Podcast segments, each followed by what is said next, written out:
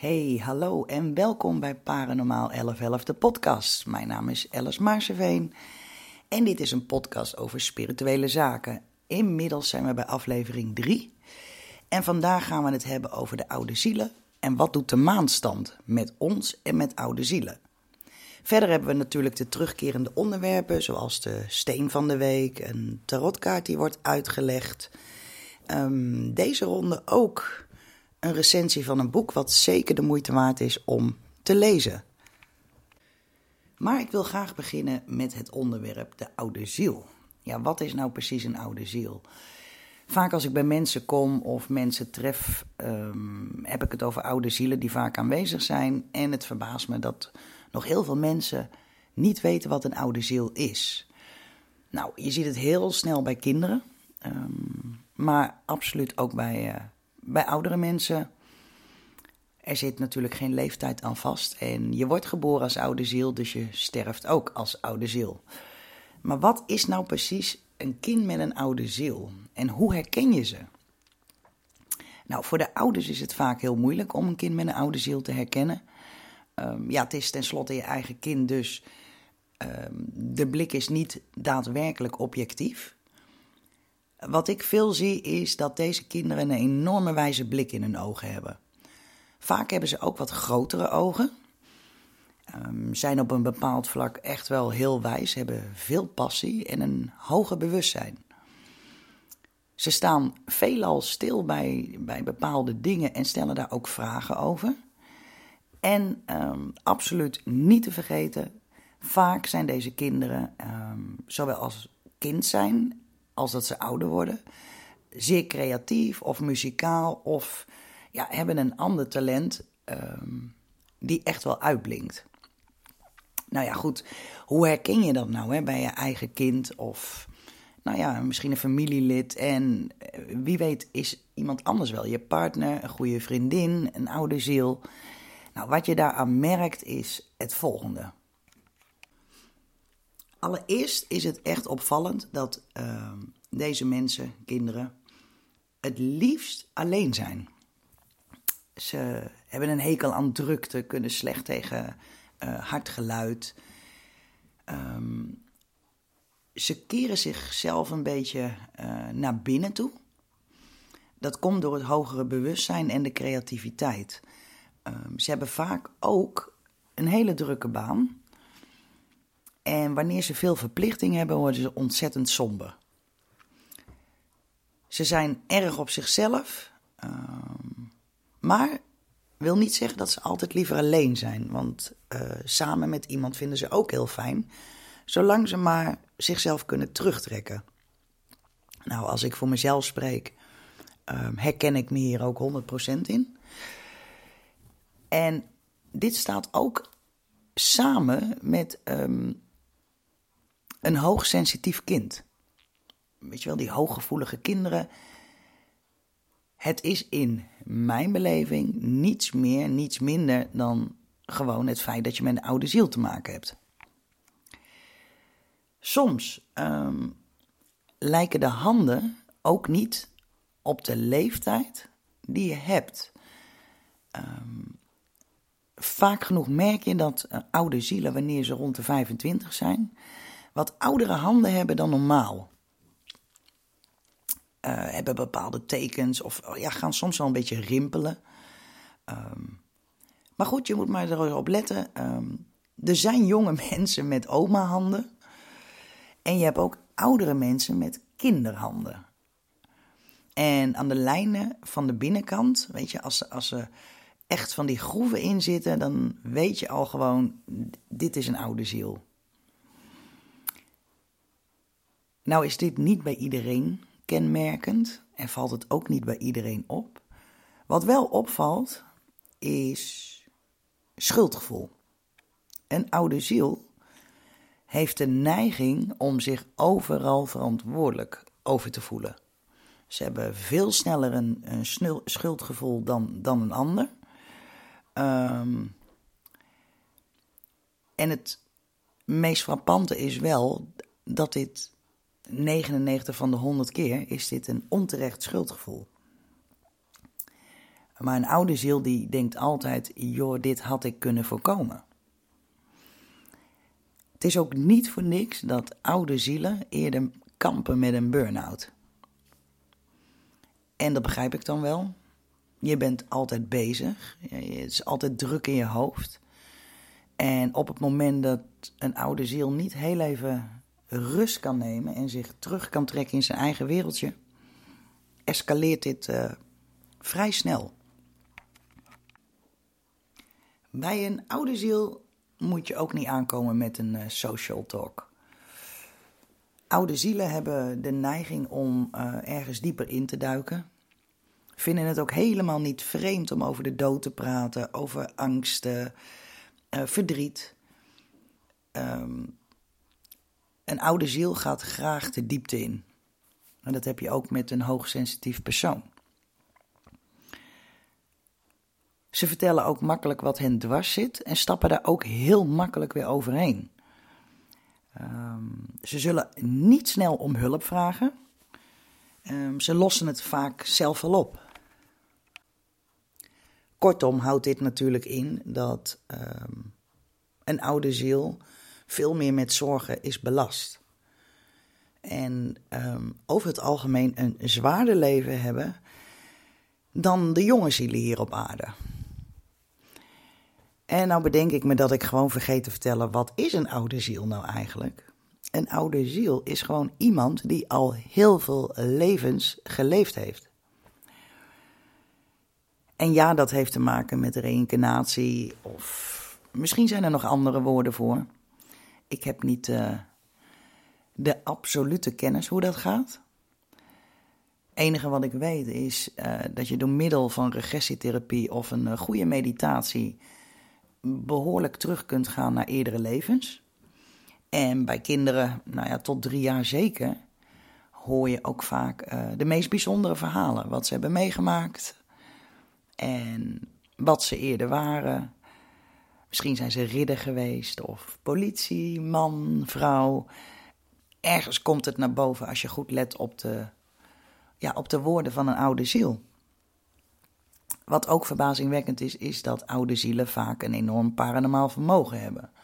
De ene ontwikkelt het makkelijker dan de ander en dat ligt zeker aan de situatie hoe je, hoe je opgroeit. En zeker in deze wereld. Um, maar voor hen is het eigenlijk op een bepaalde manier vanzelfsprekend. Ze voelen zaken erg nauwkeurig aan. Ze voelen stemmingen aan, ze voelen energie aan. Um, Daardoor zijn ze ook altijd wat uh, voorzichtiger en oplettender dan een ander. Het wil niet zeggen dat alle oude zielen ja, bezig zijn met spiritualiteit. Um, en dat is ook niet altijd nodig. Maar één ding hebben ze allemaal gemeen. Ze zijn zich bewust van dat stemmetje in zichzelf. Het stemmetje van ga ik dat wel doen, ga ik dat niet doen.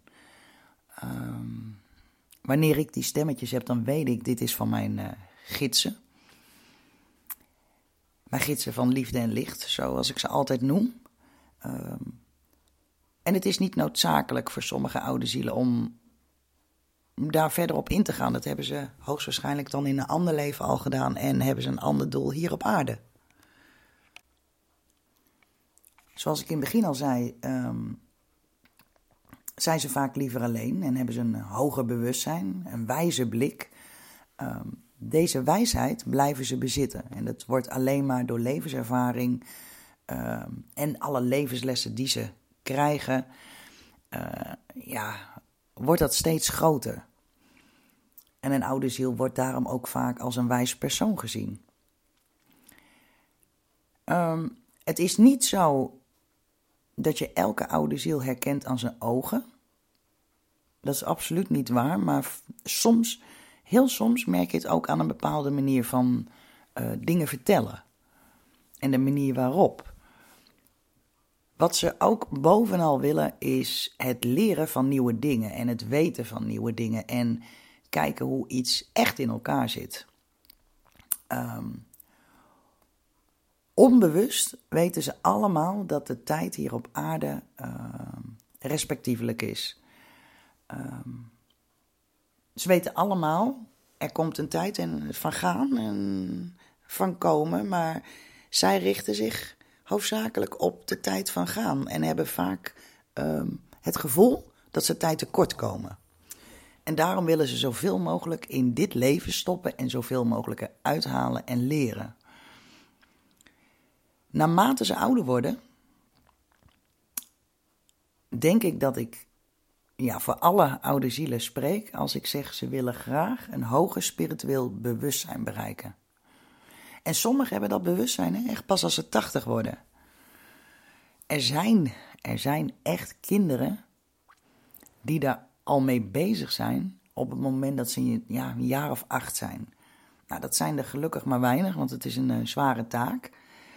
Maar door alle kennis uh, die je opdoet in dit leven, ehm, en alles wat je meemaakt, want een oude ziel maakt gemiddeld veel meer mee dan een jonge ziel, zullen ze ook eerder in staat zijn om een hogere mate van spiritueel ja, bewustzijn te creëren en te bereiken. Hoe ouder ze worden, hoe minder materialistisch. Het dringt dan echt goed en wel door van, oh ja, weet je, geld, daar gaat het hier in dit leven niet om. Je hebt het nodig, maar daar heb je ook alles mee gehad. Um, en richten zich toch vaak meer op uh, natuur.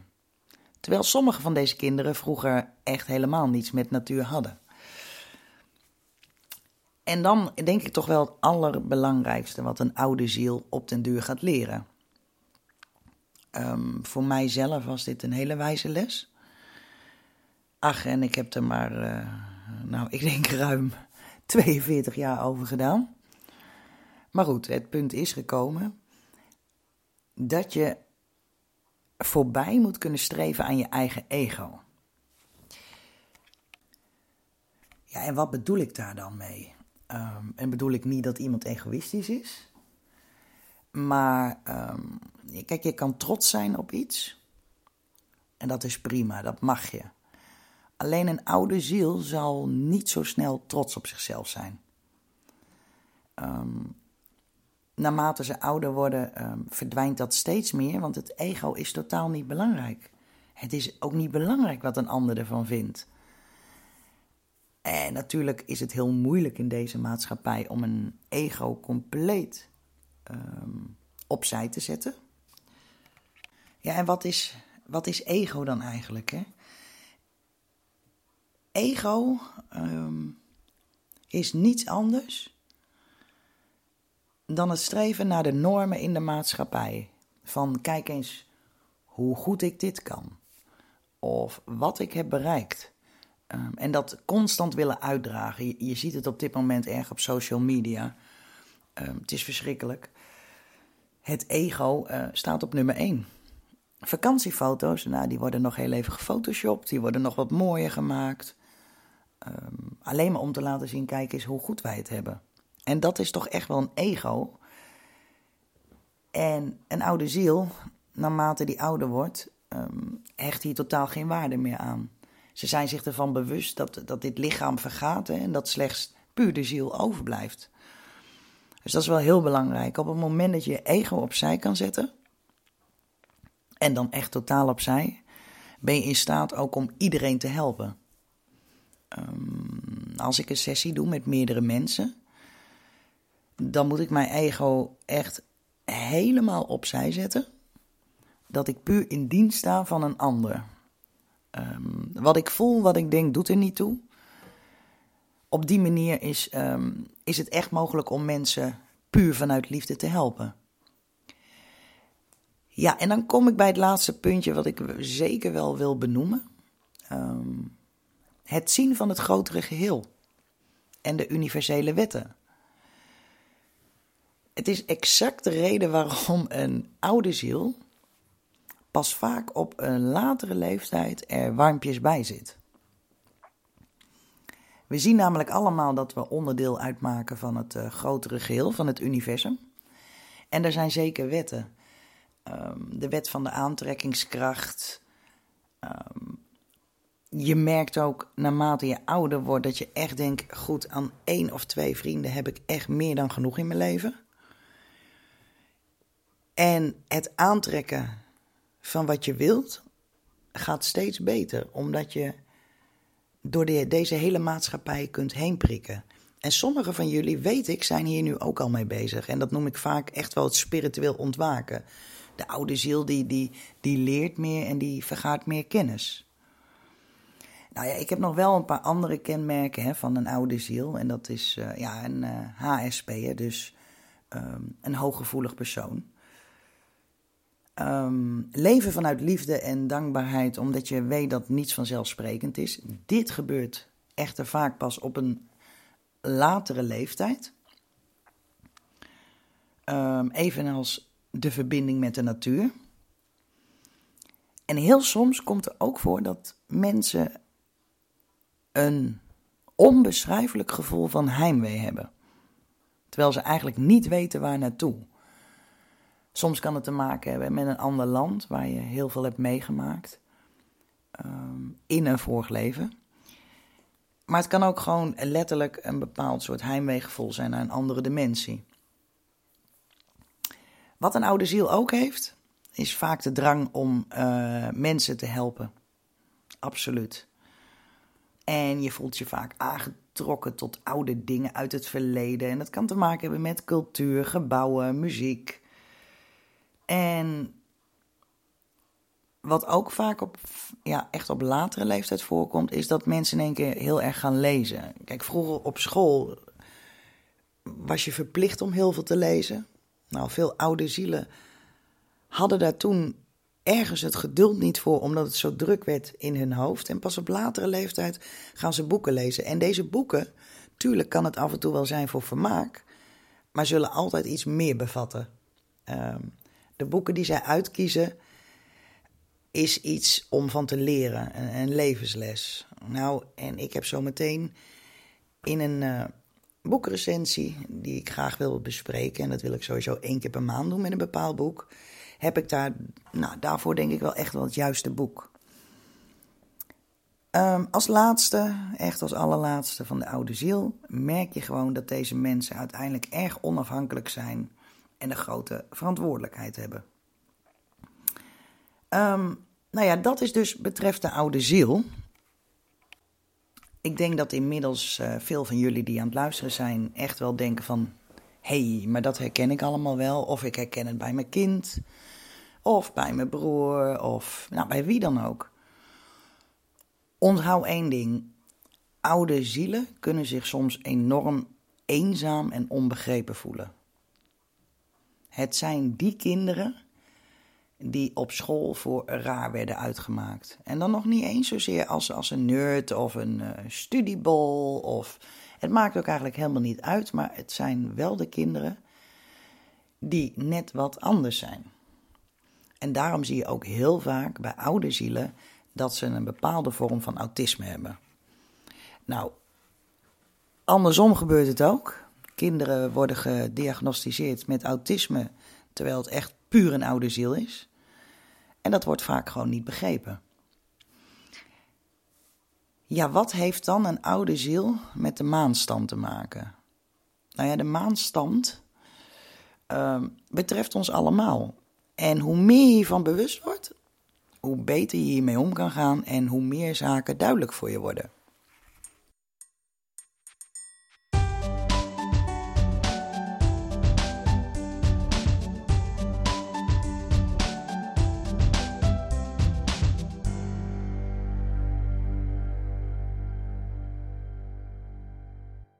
Ja, natuurlijk heb je verschillende standen van de maan. Je hebt de nieuwe maan, de wassende maan, de volle maan, eerste kwartier, laatste kwartier. En ik wil ze graag allemaal even benoemen. Waar een oude ziel het meeste last van heeft, en ik kan het echt wel omschrijven als een bepaalde last, zijn van de volle maan en de nieuwe maan. Allereerst is het um, ehm, super belangrijk om in de gaten te houden wanneer uh, het volle maan is. Of een andere maanstand. Maar hoofdzakelijk voor de oude zielen is volle maan ontzettend belangrijk. Kijk, de volle maan, hè, dat, dat staat vaak in het teken van vergeving, het loslaten van dingen, dankbaarheid, Kijk, de maan is op dat moment helemaal rond en verlicht wordt, hij wordt verlicht door de zon. Ehm, deze fase houdt in dat je op je hoogtepunt bent eigenlijk. Je hebt heel veel energie, heel veel kracht. Maar daardoor slapen mensen juist slechter rond deze periode. En emotioneel kunnen sommige mensen het echt heel zwaar hebben. Vaak wordt het bij vrouwen gerelateerd aan hormoonkwestie. Terwijl dit, uh, ja, natuurlijk kan dat. Maar vaker gebeurt het dat het komt door de volle maan. Je gemoedstoestand is uh, ja, behoorlijk fragiel. Um, en het is heel belangrijk dat je juist in die periode leert loslaten. Ja, wanneer je hier last van hebt, nou ja, dan herken je het als geen ander. Laat ik een voorbeeld geven. Dat ene moment dat je het gevoel hebt, ik kan mijn energie niet kwijt, ik heb nergens zin in, ik voel me lusteloos, ik voel me een beetje depri. Um, onthoud dan goed wat de maanstand is. Ik zelf hou een maandagboek bij. En sinds ik dat doe, is het voor mij uh, veel makkelijker te kijken waarom ik reageer op dingen uh, zoals ik reageer. Ja, en dan nog gaat dat in gradaties, hè, die volle maan. Soms is het een paar dagen, dan zie je behoorlijk volle maan. Um, de derde dag na de volle maan is toch wel een periode die zich erg focust op uh, energie. Um, en juist eigenlijk tijdens deze periode is het natuurlijk heel goed om met sociale dingen bezig te zijn. Maar het is geen geschikte fase om nou ja, te genezen van een ziekte. Ja, slapen is vaak erg lastig. Het is zelfs wetenschappelijk aangetoond dat rond de volle maan uh, mensen langer nodig hadden om in slaap te komen. En dat ze gemiddeld ook nog 20 minuten korter sliepen dan bij andere maanstanden. Um, en dan had ik nog een wetenschappelijk feitje opgezocht. Ja, deze mensen hebben uh, een lagere melatoninewaarde. Dat zijn die slaapwaardes. En verminderde uh, hersenactiviteit. Die eigenlijk wel bij een diepe slaap hoort, hè, tot wel 30%. Dus ja, er is genoeg studie naar gedaan om echt te bedenken: jongens, dit is echt wat er gebeurt. Je had er misschien alleen nog nooit zo bij stilgestaan. Ja, en wat kun je er nou aan doen hè? als je ja, deze zaken ervaart tijdens volle maan? Nou, allereerst is het belangrijk om je manier van denken aan te passen.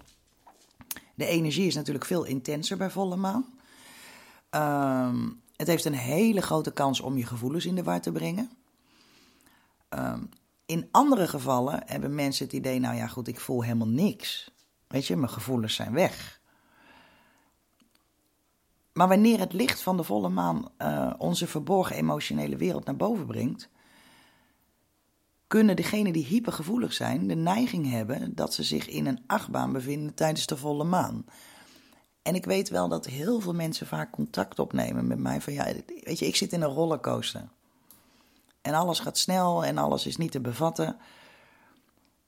En verbazingwekkend genoeg op het moment dat ik die vragen krijg en vraag ook wanneer dit plaatsvindt of plaatsvond, is dat bijna altijd in tijden van de volle maan.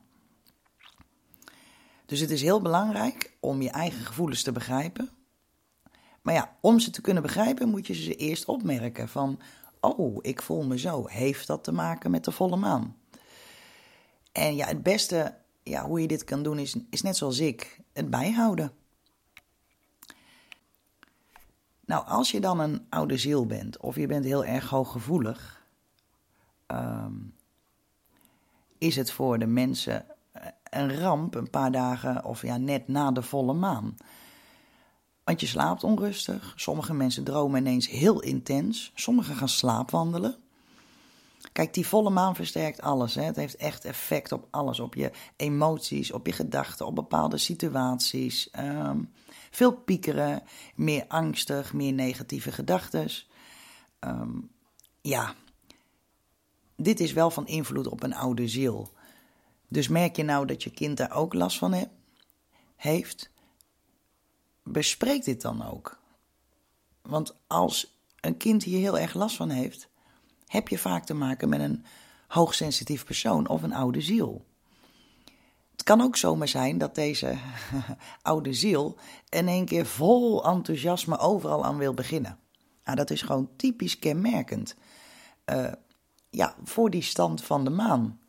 In combinatie met een hooggevoelig persoon of een oude ziel. Dus het is helemaal niet verkeerd om dan allemaal dingen te gaan opruimen. Um, let er ook op dat je intuïtie enorm versterkt wordt tijdens de volle maan. Dus ja, al met al zou ik zeggen, zeker voor oude zielen, hou dit bij. Ja, en dan komen we even bij de nieuwe maan. Dat is ook uh, een belangrijk fenomeen. Tijdens de eerste maanfase is de maan uh, bijna niet meer te zien voor ons. Hè. De maan heeft dan uh, weinig kracht.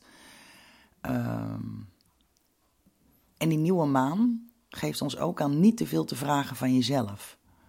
Probeer gewoon heel even tot rust te komen. Um, en als je tot rust bent gekomen, ja, is de nieuwe maan het moment om uh, plannen te maken voor de aankomende periode. Want een nieuwe maan staat voor een nieuw begin, uh, dromen en manifesteren. Kijk, die maan bevindt zich dan tussen de aarde en de zon. Hè? Uh, en ze is dan niet zichtbaar vanaf de aarde. Um, en het is een perfect moment om alles wat je wil te manifesteren. Zet zaken even op een rijtje. Kijk, een paar dagen voor en na de nieuwe maan is het meestal een emotionele periode. De mensen zijn wat sneller geïrriteerd, uh, hebben onduidelijke of vage klachten. Uh, zelfs heeft uh, onderzoek aangetoond dat de meeste verkeersongelukken gebeuren in deze periode. En dat komt omdat de mensen op dat moment niet meer zo alert zijn. En vaak wat uh, zwaarmoedig zijn. Het sterkste is dit twee dagen voor de nieuwe maan. Um, dus het is niet zo'n goede periode om iets nieuws te beginnen. Want uh, de kans dat je dan met tegenslagen te maken krijgt is natuurlijk het grootst. Het beste kun je die twee dagen voor de nieuwe maan gebruiken om dingen af te maken of af te ronden. En dat is echt het beste wat je kan doen. Daarna ga je nieuwe doelen opstellen. En je zal ook merken dat je die uh, drang hebt om dit soort dingen te doen bij elke maanstand. En heb je ook nog de wassende maan.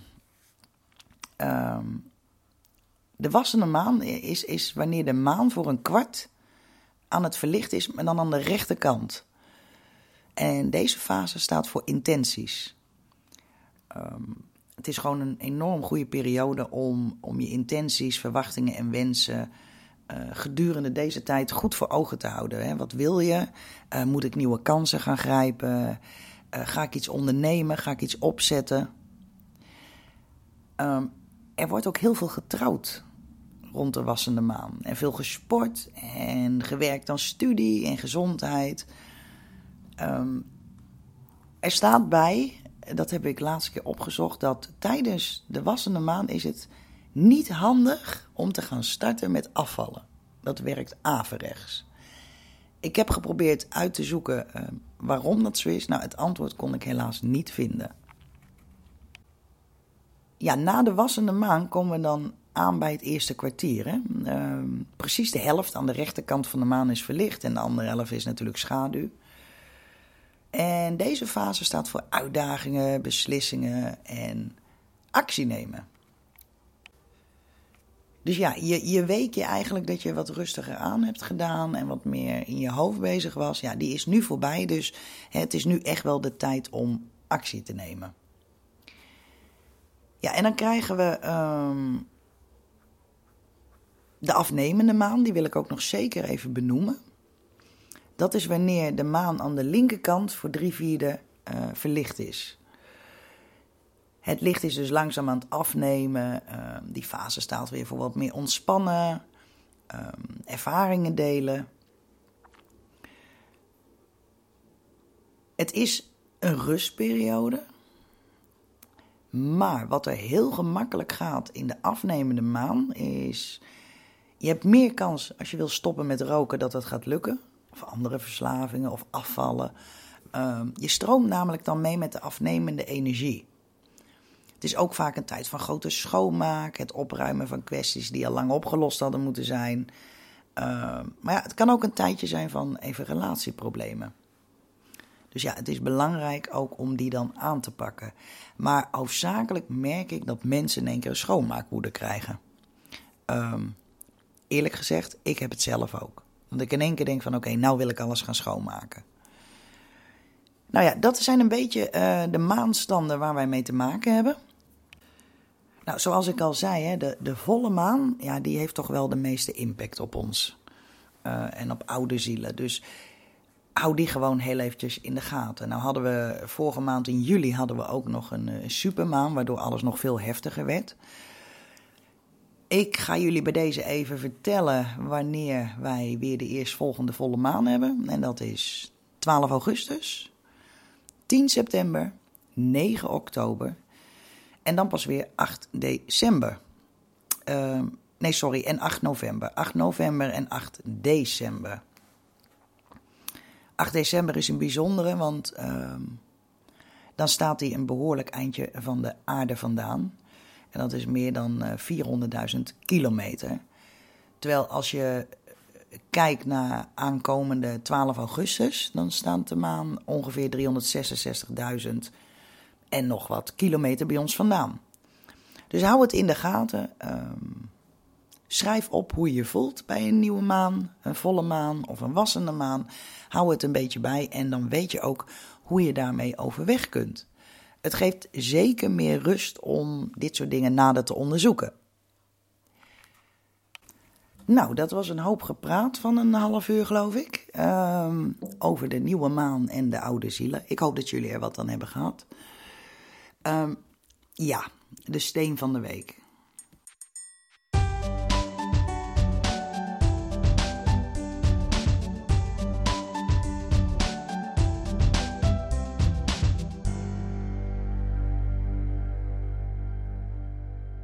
De steen van de week um, heb ik deze week uh, de Carniol agaat. Ik vind het een prachtige steen. Het is een oranje-rode steen. Maar ja, wat doet hij nou? Nou, de carniol die werkt uh, aardend, behoorlijk activerend, vitaliserend.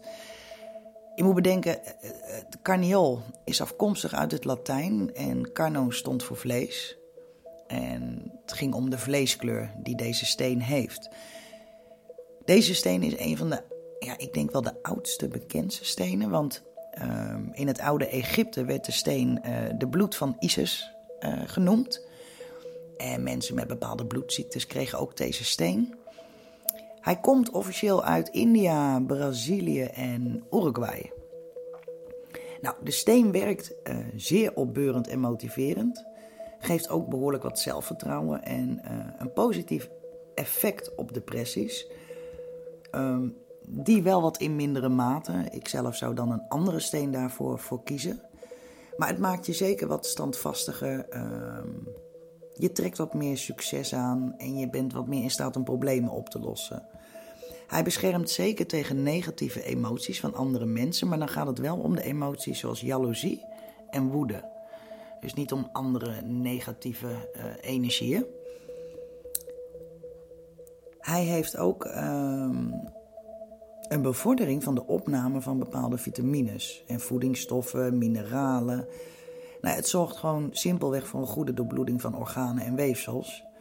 En heeft zeker, en daar geef ik hem vaak wel voor weg, een positieve werking op uh, spataderen. Verder helpt hij ook bij reuma, gewrichtsklachten en zenuwpijnen. En zenuwpijnen, dat is ook een van de redenen waarom ik deze steen vaak uh, in mijn assortiment heb en weggeef. Voor de gewrichtsklachten nou, zou ik eerder voor een andere gaan, maar zenuwpijn zeer zeker. Ik heb daar ontzettend goede ervaringen mee. Ja, en tot zover de steen van de week. Um, ik heb natuurlijk ook altijd nog een kaart, de tarotkaart, die ik graag wil gaan bespreken. We zijn bij de derde tarotkaart aangekomen, maar eigenlijk is het natuurlijk nummer twee. Um, want je hebt 0, 1, 2. En wat is deze kaart dan? En dat is de kaart van de hoge priesteres.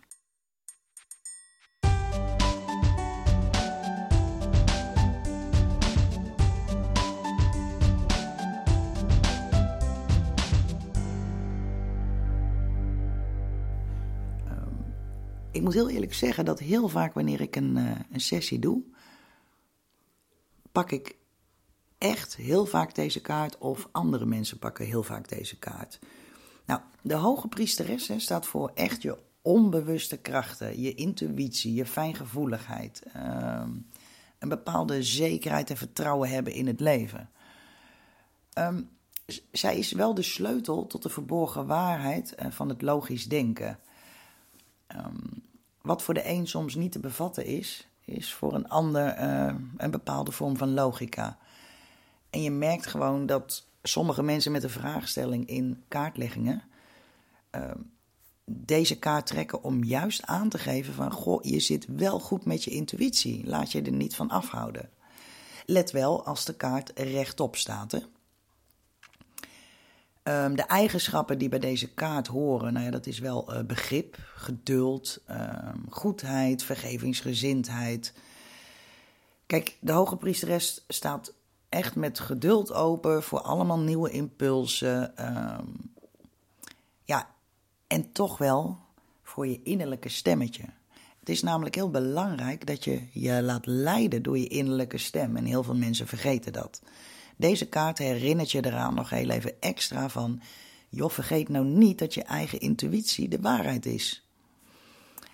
Uh, zij is samen uh, met de hoge priester en de ster uh, een van de meest uh, beschermende kaarten van de tarot. En die geeft vaak ook een heel gunstig vooruitzicht aan. Um, omgekeerd, en dat kan natuurlijk ook gebeuren dat deze omgekeerd wordt getrokken. Niet iedereen legt de tarot ook omgekeerd. Dat als een kaart omgedraaid zijn, dan behandelen ze hem gewoon als rechtop. Ja, prima als je dat wilt doen. Ik doe dat niet. Ik volg wel echt wel een beetje de oude tradities. Uh, want wanneer deze omgedraaid staat, kan het zijn dat je gewoon net wat te oppervlakkig bent. Dat je enorm je intuïtie aan het negeren bent. En misschien omdat de hoge priester altijd inzicht heeft in bepaalde geheimen, draag je wel een schadelijk geheim met je mee. En dat kan, en dat kan ook voor veel onrust zorgen en voor veel problemen. Um, maar goed, dat is omgedraaid. Ik moet eerlijk zeggen, ik pak hem niet heel vaak omgedraaid. Maar goed, het kan wel gebeuren. Dan is het natuurlijk wel heel belangrijk om te kijken op welke positie die ligt of wat de kaarten ernaast zijn. Um, in relatie staat de hoge priesteres trouwens voor een diepe genegenheid, intimiteit en zielsverwantschap. Dus als iemand echt een vraag heeft met betrekking tot de partner, zit ik op de juiste weg. En je trekt deze kaart um, van de uitkomst, bijvoorbeeld op een plekje. Um, nou, kan ik je vertellen, dan heb jij duidelijk wel je soulmate gevonden. Als zij verschijnt, is het dus altijd een gewoon een geweldig teken. Um, het is wel opvallend, uh, wanneer we de tarotkaart van de hoge priesteres trekken, dat we er vaak aan herinnerd moeten worden dat we naar onze eigen ingevingen moeten luisteren. En dat laatste is uh, het grootste advies wat deze kaart je geeft. Nou, volgende week ga ik weer verder met de volgende kaart. Um, maar goed, we hebben er nu drie behandeld, dus um, nog 18 te gaan van de grote arcana. Even kijken, ik heb hier voor me liggen een, een boek wat ik wil behandelen. En waarom zeg ik dat? Dit boek heeft zeker een hele diepe impact uh, gehad in mijn leven. Ik heb wel meerdere boeken gelezen die zo'n grote impact hadden, maar deze is. Uh, ja, deze staat me gewoon heel erg bij en is prachtig. En waarom wil ik uitgerekend deze eventjes behandelen in deze podcast? Nou, de reden is Um, zoals ik net al zei, we hebben het over oude zielen gehad, hoogsensitieve personen. Um, dat je vaak merkt dat ze aardig wat levenslessen moeten hebben. Nou, dit is een boek en dat heet De Alchemist. En dat is van Paolo Coelho, als ik het goed uitspreek. Het is Portugees. En het gaat over een jonge schaapherder, Santiago. En die heeft één wens. En dat is de wereld bereizen tot in alle uithoeken om zo uit te vinden hoe de wereld eigenlijk in elkaar zit. Hij krijgt daarbij dromen over een verborgen schat en die zetten hem aan tot zijn zoektocht. En uiteindelijk ontmoet hij in Egypte een alchemist die over grote spirituele wijsheid beschikt. En deze alchemist, nou, dat is gewoon prachtig om te lezen hoor. Die heeft prachtige uitspraken. En hij adviseert deze jongen ook. En luister naar je hart, want dat kent alles. Omdat het afkomstig is van de ziel, van de wereld. En dat is waar je ooit naartoe terug zal keren. Dus waar je hart is, is ook je schat. En dat is eigenlijk een boodschap van, van de alchemist. Um, nou, ik zal niet de enige zijn die dit boek echt fantastisch vindt, want er zijn inmiddels 30 miljoen exemplaren verkocht wereldwijd. Um, kijk, het, centrale thema van zijn werken van de schrijver is altijd de zoektocht van de mens naar harmonie um, en vrede met het universum. Hij doet, ja, hij schrijft dit boek op een manier zodat het voor iedereen toegankelijk is. En je zal merken als je het gaat lezen, er zitten zoveel um, symbolische zinnen in, dat er elke keer, na een paar bladzijden, elke keer valt er een kwartje. Dat is gewoon prachtig om te lezen. Um, hij heeft meerdere boeken geschreven natuurlijk, maar dit is net een, een spannend, betoverend sprookje met ja, nou ja, glasheldere boodschappen en super realistisch. Um, ik, zal, ik zal er eventjes een paar voorlezen. De liefde zal je niet van weerhouden je dromen na te jagen. Nou ja, dat weet eigenlijk iedereen, maar uh, ware liefde moet nooit een blokkade zijn tussen jou en je dromen. Of het nu liefde is van je familie, vrienden, geliefden. Um, onthoud ook gewoon als mensen je niet ondersteunen, aanmoedigen of aansporen, um, zijn het misschien niet de beste mensen om ja, in je gezelschap te houden. En dit boek en deze uitspraak van hem, die, nou, zet je wel weer even op je plaats, denk ik. Van, goh, waarom herken ik dit? Of ja, waarom herken ik dit juist niet? Dat zou mooi zijn, maar... En er is er nog zo één, die denk ik wel een hele belangrijke levensles uh, bevat. En dat is, de angst om te lijden is erger dan het lijden zelf. En dat is vaak zo, hè. Wij zijn uh, altijd maar met angsten bezig. Laten we heel eerlijk zijn. Dat, zit in ons hoofd. Dat is een bepaalde gedachtenmaalstroom die helemaal niet reëel is. Want vaak zijn het irrationele angsten en we zijn altijd bang voor de toekomst, waardoor we vergeten te leven in het nu. Um, dus ja, we zijn angstiger dat er iets gebeurt. Maar als er iets gebeurt, kunnen we daar veel beter mee overweg gaan. Het is echt bijzonder, maar het is zeker de waarheid. Um, nou, dan heb ik er nog twee, die heb ik even opgeschreven. En dat is: um, mensen zijn altijd en op elk moment van hun leven in staat om te doen waar ze van dromen. En ja, dat is wel iets waar veel mensen overheen wandelen. Van, nou, ik ben hier te oud voor, of ik ben er nog te jong voor. Het is onzin. Er bestaat niet zoiets als te jong zijn of te oud zijn uh, voor het najagen van je dromen. Dat zou niet uit moeten maken. Als jij iets uh, graag wilt en je doet het met alle liefde, dan is er geen oud of jong. Er bestaat eigenlijk ook niet zoiets als een goed of uh, verkeerd moment om iets te doen. Het is puur een kwestie van een beslissing nemen en dan stappen nemen om, om daar te komen. Ook iets wat we vaak met z'n allen vergeten natuurlijk. Heeft ook met deze maatschappij te maken, absoluut. Um, de laatste die ik heb opgeschreven is een hele belangrijke, want ik wil hier volgende week uh, meer over vertellen. En dat is, als je iets wil, zal het universum je helpen dit te bereiken. Waar je over nadenkt, breng je tot stand. Als je al je focus, energie en positieve gedachten richt op wat je wilt, nou ja, dan sta je versteld van welke kansen er voor je komen te liggen. Um, hoe je dit wil noemen, nou, dat zal mij een zorg zijn. Noem het lot, toeval of whatever. Ik kan je wel vertellen als je iets doet met liefde, met overgave, en je stopt de energie en tijd in, dan zal het zich manifesteren. En dat is exact waar ik het volgende week over wil hebben. Um, over de wet van het universum. de aantrekkingskracht. En ehm, negatief denken is negatief ontvangen. Het is een belangrijk eh, iets in mijn dagelijks leven. En nog steeds hoor. Ehm,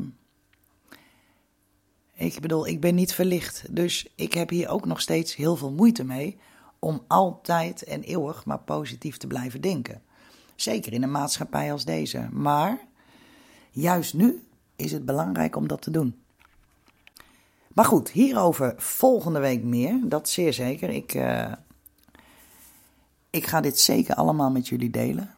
En misschien deel ik ook nog wel even een boek, want die ik de laatste keer heb gelezen, bedenk ik me nu. Wat ik volgende week ook wil, is één foto behandelen in de aflevering, in aflevering 4. Het liefst wil ik één keer per maand uh, mensen, geven, uh, mensen de kans geven op een uh, gratis fotolezing. En deze wat uitvoeriger behandelen. Dus wil jij daar ook kans op maken? Ehm, stuur dan je foto en je vraag naar um, info.paranormaal1111.nl En dat is ja, info apenstaartje paranormaal 1111.nl En zet heel even in het onderwerp fotolezing. Dan ga ik er graag mee aan de slag. Ik, uh, ik zoek iemand uit en ter plekke live behandel ik die in de volgende podcast. Nou, inmiddels heb ik er geloof ik drie kwartier op zitten. Ik wil deze podcast wederom afsluiten met een meditatie voor wie daarna wil luisteren. Um, het is wederom een meditatie van Suus uh, Geleide Meditaties. Um, die je ook kan vinden op uh, YouTube onder Suus met S-U-U-Z. Um, geleide meditaties. Ik hoop dat jullie ervan hebben genoten en ik zou zeggen tot volgende week. Doei doei!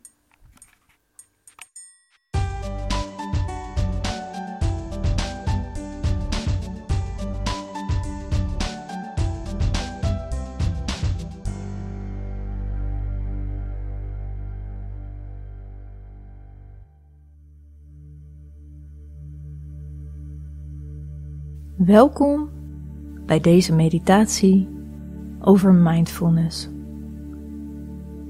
Zoek een plek op in huis waar jij je ontspannen voelt en waar je de tijd kan nemen voor jezelf. Focus allereerst op je ademhaling. Blijf rustig ademen.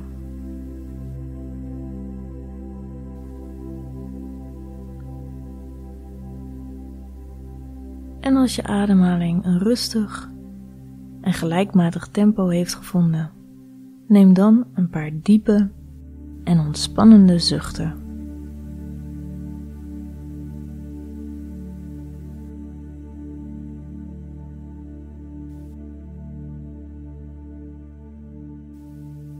Voel de lucht je longen instromen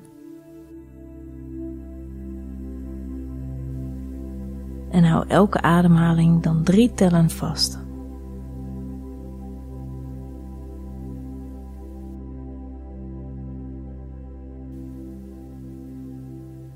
Laat de adem rustig door je mond naar buiten gaan. En stel jezelf voor dat terwijl je inademt, je dit in totale ontspanning en kalmte doet.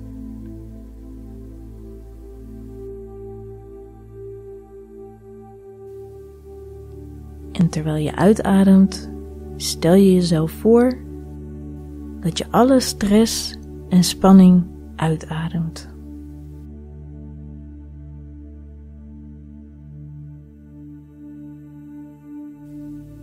En voel hoe je lichaam zich nu verder begint te ontspannen, zich prettig voelt. Beeld jezelf nu in dat je op een plek bent ergens diep in de natuur.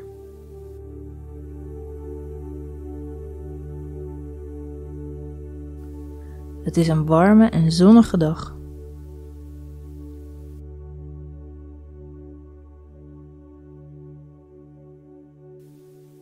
Voel de warme gloed van zonnestralen op je lichaam. En je bent hier nu ontspannen, terwijl je je gedachten toelaat om weg te drijven, waar je ook heen wil.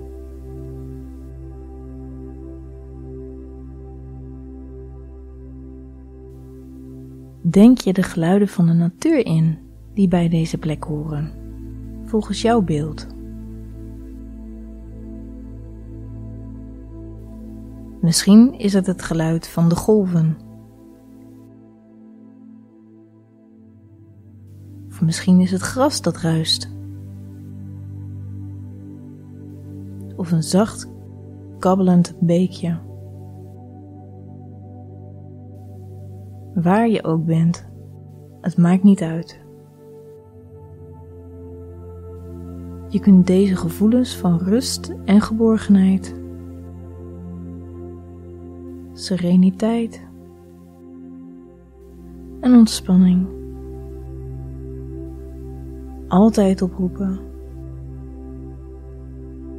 terwijl je heerlijk ligt. En je brengt je gedachten nog meer tot rust.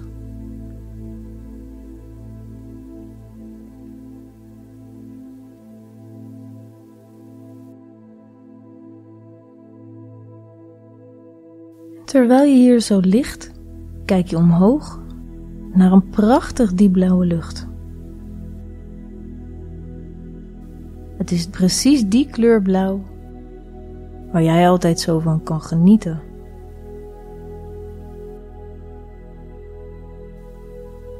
Breng jouw gedachten nu naar een zachte, donzige, witte wolk. Deze wolk komt jouw kant op drijven. Heel langzaam vanuit de lucht jouw kant op.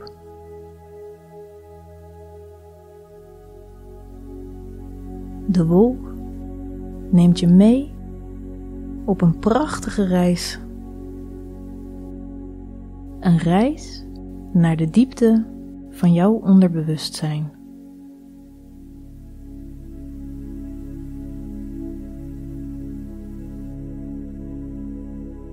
De wolk wikkelt zichzelf stevig om je heen. Alsof je een baby bent die wordt opgetild en stevig wordt vastgehouden. Warm en prettig. En gek genoeg voelt het ook als een zachte, donzige wolk Heerlijk. Maak het jezelf gemakkelijk. Ontspan nog meer.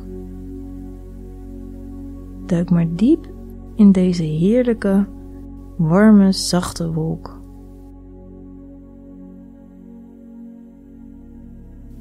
Om te worden meegenomen met de zachte bries de lucht in.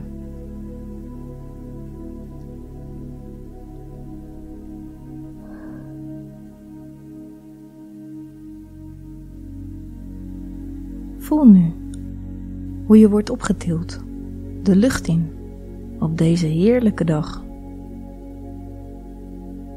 Je voelt je veilig en geborgen en tevreden. Het is zo'n heerlijk gevoel om jezelf toe te staan om te worden meegenomen met zo'n briesje op een dag als deze.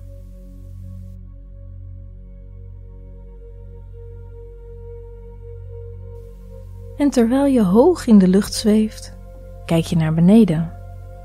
Je ziet de huizen zo klein als luciferdoosjes. Om kleine dorpjes heen. En het landschap en de wegen. En miniatuurrivieren en stroompjes. Terwijl je heerlijk rustig wegdrijft op jouw wolk veilig, prettig en heerlijk ontspannen.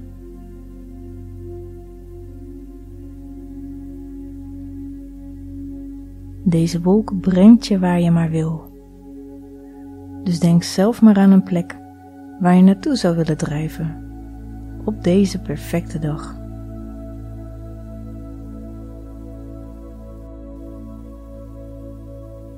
Als je klaar bent en je hebt jezelf er naartoe gebracht, voel dan hoe je langzaam omlaag begint te gaan. Langzaam naar beneden. Steeds wat dieper ontspannen. Heerlijk zacht en lui. Mee naar een heerlijke en fijne plek. Diep in jezelf.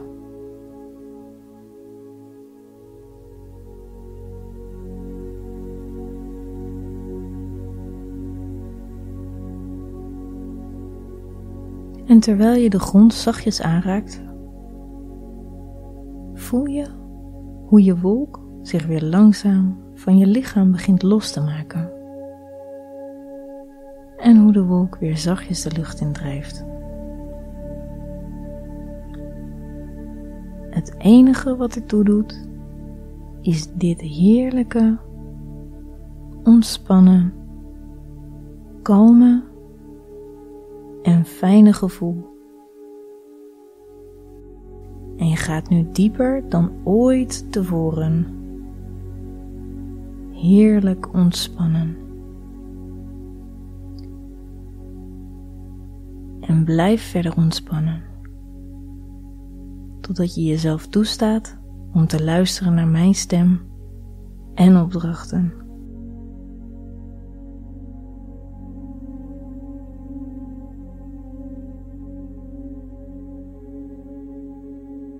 sta jezelf toe om in dit ontspannen en kalme gevoel te blijven.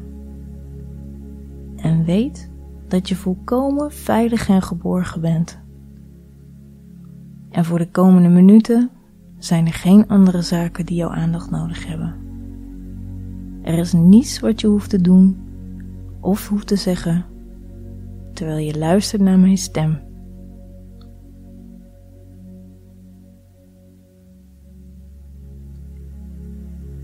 Je zult er waarschijnlijk na een tijdje achter komen dat je je kunt afsluiten van mijn stem. En gewoon simpelweg bewust te zijn van jouw zijn en jouw aanwezigheid in deze mooie wereld. Terwijl je erachter komt hoe fijn het is om in die staat van focus en mindfulness te zijn die je door deze meditatie bereikt.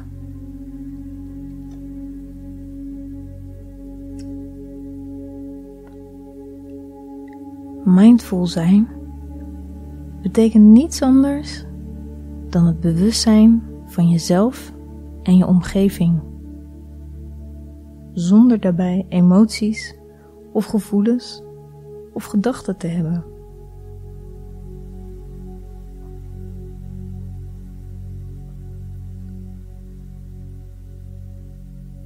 We leven in een drukke wereld die steeds verandert. En we worden dagelijks bedolven onder een stroom van informatie en prikkels. En dat is vanaf het moment van opstaan totdat we gaan slapen. En s'nachts, terwijl we slapen en zouden moeten uitrusten, blijft ons brein maar doormalen om alle prikkels te verwerken die we overdag hebben binnengekregen.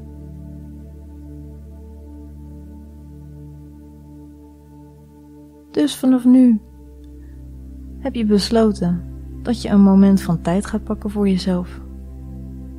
Al zijn er maar 15 minuten. Even je rust pakken. Je hoofd leegmaken. Je gedachten en de drukte van je af te laten glijden. En even in een andere staat van bewustzijn te komen. De staat van volledig één zijn met jezelf. En het mooie is dat je dit op elk moment en op elke dag kunt doen. En het mooie is dat je dit op elk moment en op elke plek kunt doen die je wil. Er zijn zoveel mooie dingen op deze wereld die wij gewoon over het hoofd zien omdat we vaak met onze gedachten ergens anders zijn. Of omdat we druk zijn met ons werk of iets anders belangrijks.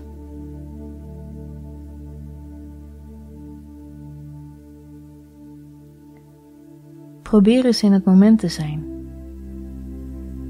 Terwijl je de aardappels aan het schillen bent, ben je aan het bedenken wat je straks op televisie gaat kijken.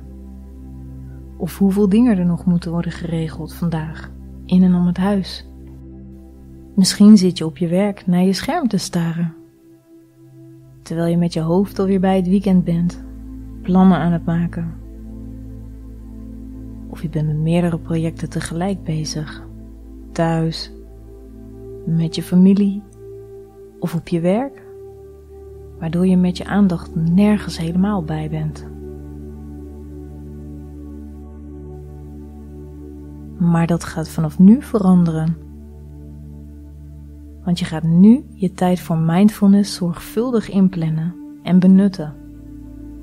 Zo vaak jij denkt dat nodig is om je emotionele en fysieke welzijn te verbeteren. Misschien maak je een mooie wandeling in het park op een zonnige dag. En besteed je zo aandacht aan al de kleine dingetjes die het leven zo mooi maken.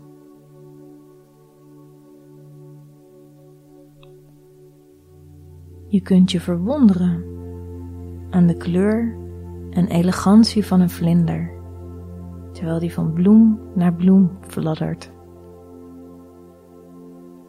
En terwijl je de patronen op zijn vleugels ziet, valt je op hoe symmetrisch die zijn. En je volgt waar de vlinder heen gaat, al fladderend en steeds veranderend van richting.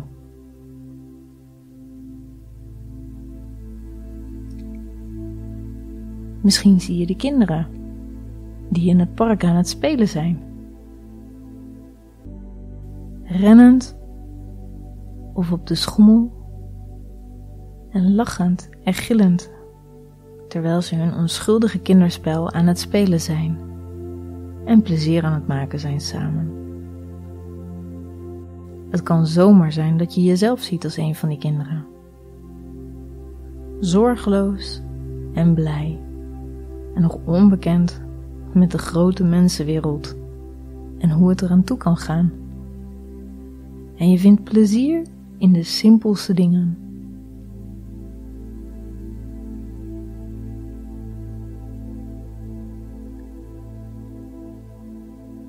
Je kan ook zoeken naar de bloemknoppen en de blaadjes op een plant. Zie hoe ze zich ontvouwen in de zon, terwijl ze je hun schitterende kleuren laten zien.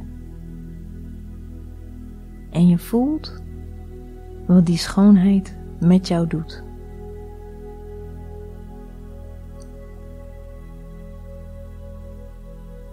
Zelfs kleine taken die je voorheen vervelend zou vinden om te doen, kunnen nu een nieuwe betekenis voor je krijgen.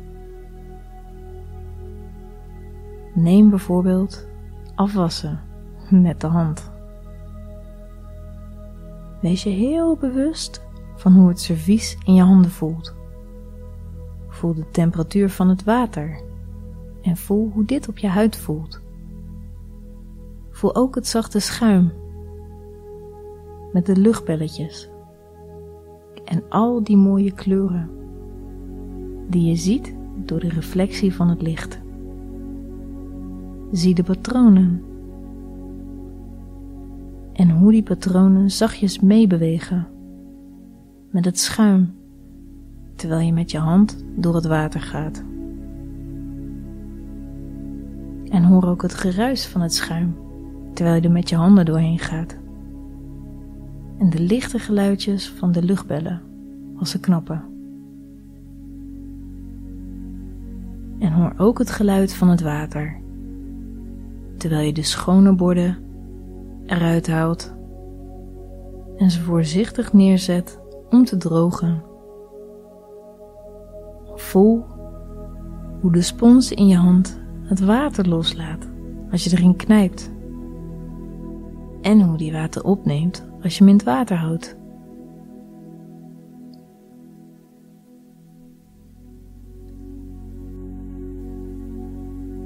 Je kunt je bewust zijn van je ademhaling. Zacht en ritmisch. Als golven in een oceaan. Je lichaam kan ook zijn als die oceaan. Met mooie gedachten die door je heen stromen. En diepe gevoelens van kalmte en rust die door je lichaam vloeien.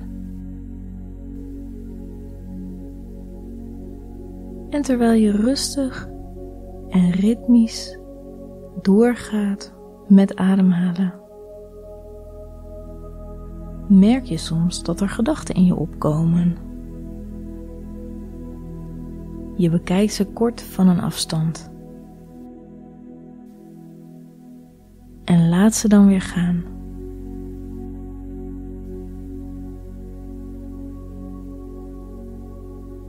De ene gedachte kan tot de andere leiden. En zo kan er een nieuwe stroom van gedachten op gang komen.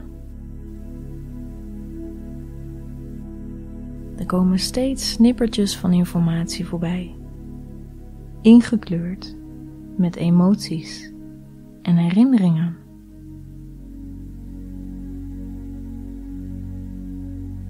En waar is je oorspronkelijke gedachte naartoe? Die lijkt in lucht te zijn opgegaan.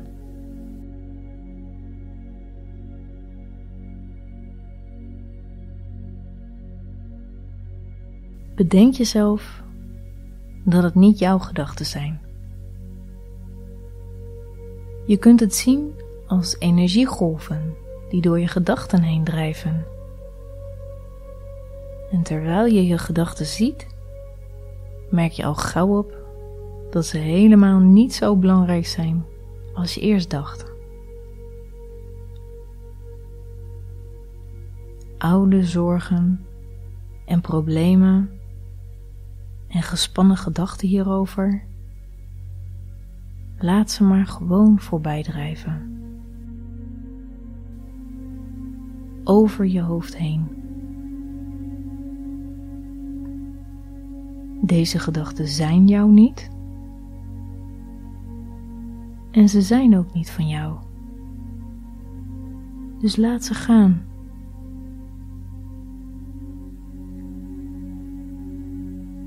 En binnen niet al te lange tijd zul je ontdekken dat je door mindfulness en meditatie steeds beter leert om je open te stellen voor creatieve gedachten. En ook al zijn deze gedachten ook niet van jou, je kan ervan pakken wat nuttig is voor jou, wat jij kunt gebruiken.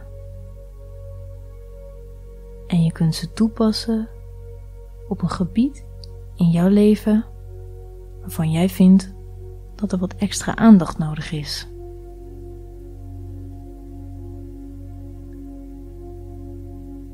Je bent je ervan bewust hoe positieve en negatieve gedachten met elkaar in contact staan.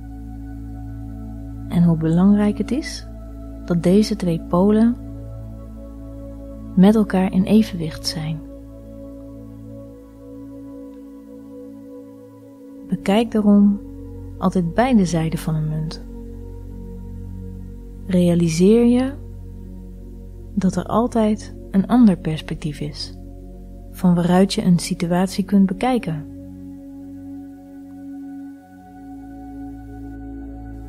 Misschien kun je je indenken dat je een ruiter bent op de rug van een paard, rennend door een dicht beboste woud.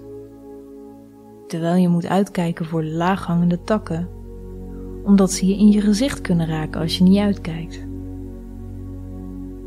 Maar als je alleen maar richt op de laaghangende takken voor je, mis je de grote kei op de grond klaar om jou met paard en al te lanceren.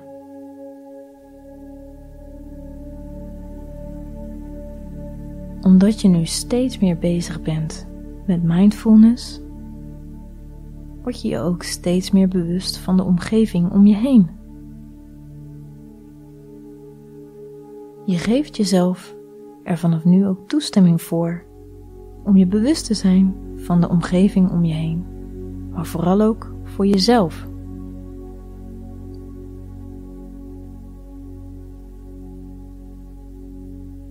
En denk er altijd aan dat je leven is opgebouwd uit losse momenten. Elk moment is weer nieuw en anders. Focus je weer op je ademhaling.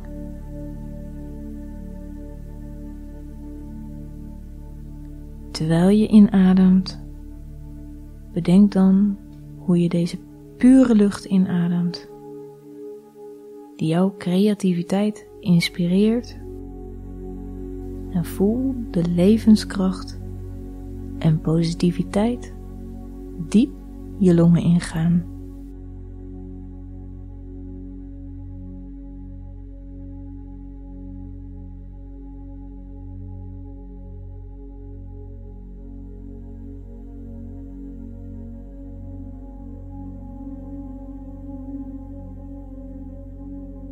Misschien kun je de lucht zien als een helder wit licht en wat positiviteit uitstraalt.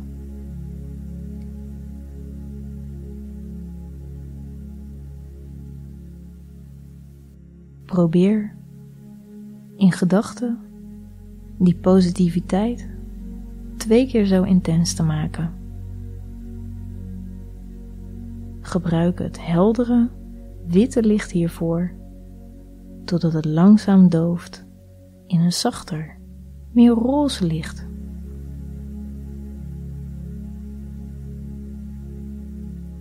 Adem dan die positiviteit en puurheid en creatieve gedachten uit in dat zacht roze licht.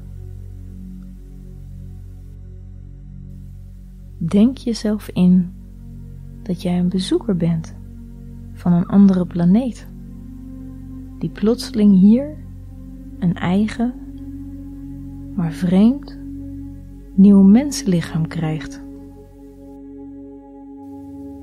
Hoe voelt het om in dit lichaam te zijn?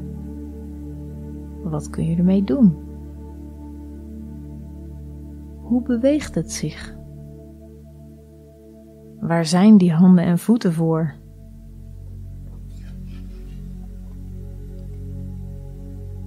En wat zijn al die dingen die je kunt zien, proeven, ruiken, horen en voelen?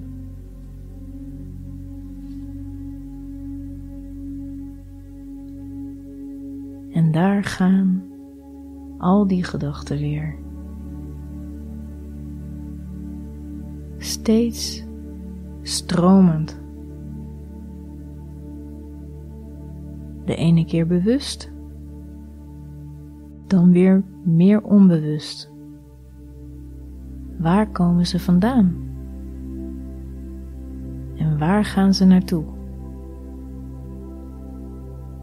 Je ziet alles om je heen alsof je het voor het eerst ziet.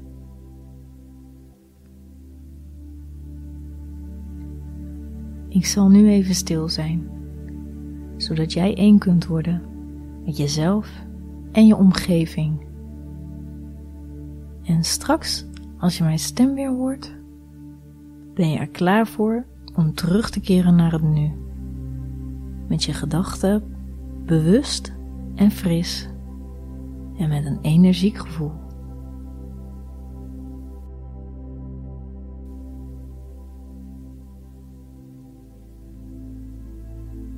Je gedachten worden helder en gefocust.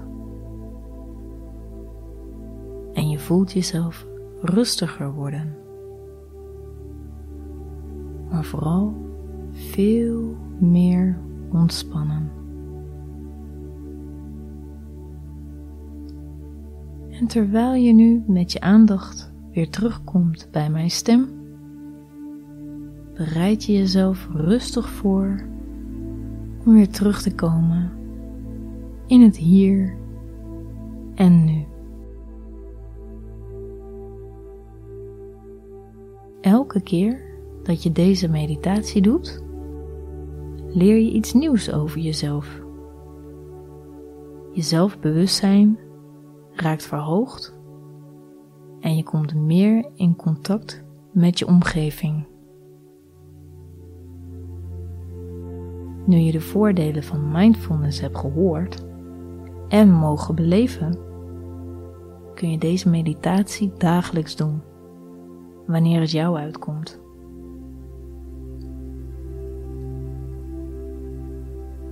Dank je wel dat je een moment hebt genomen voor jezelf en deze meditatie. Ik wens je een hele fijne dag.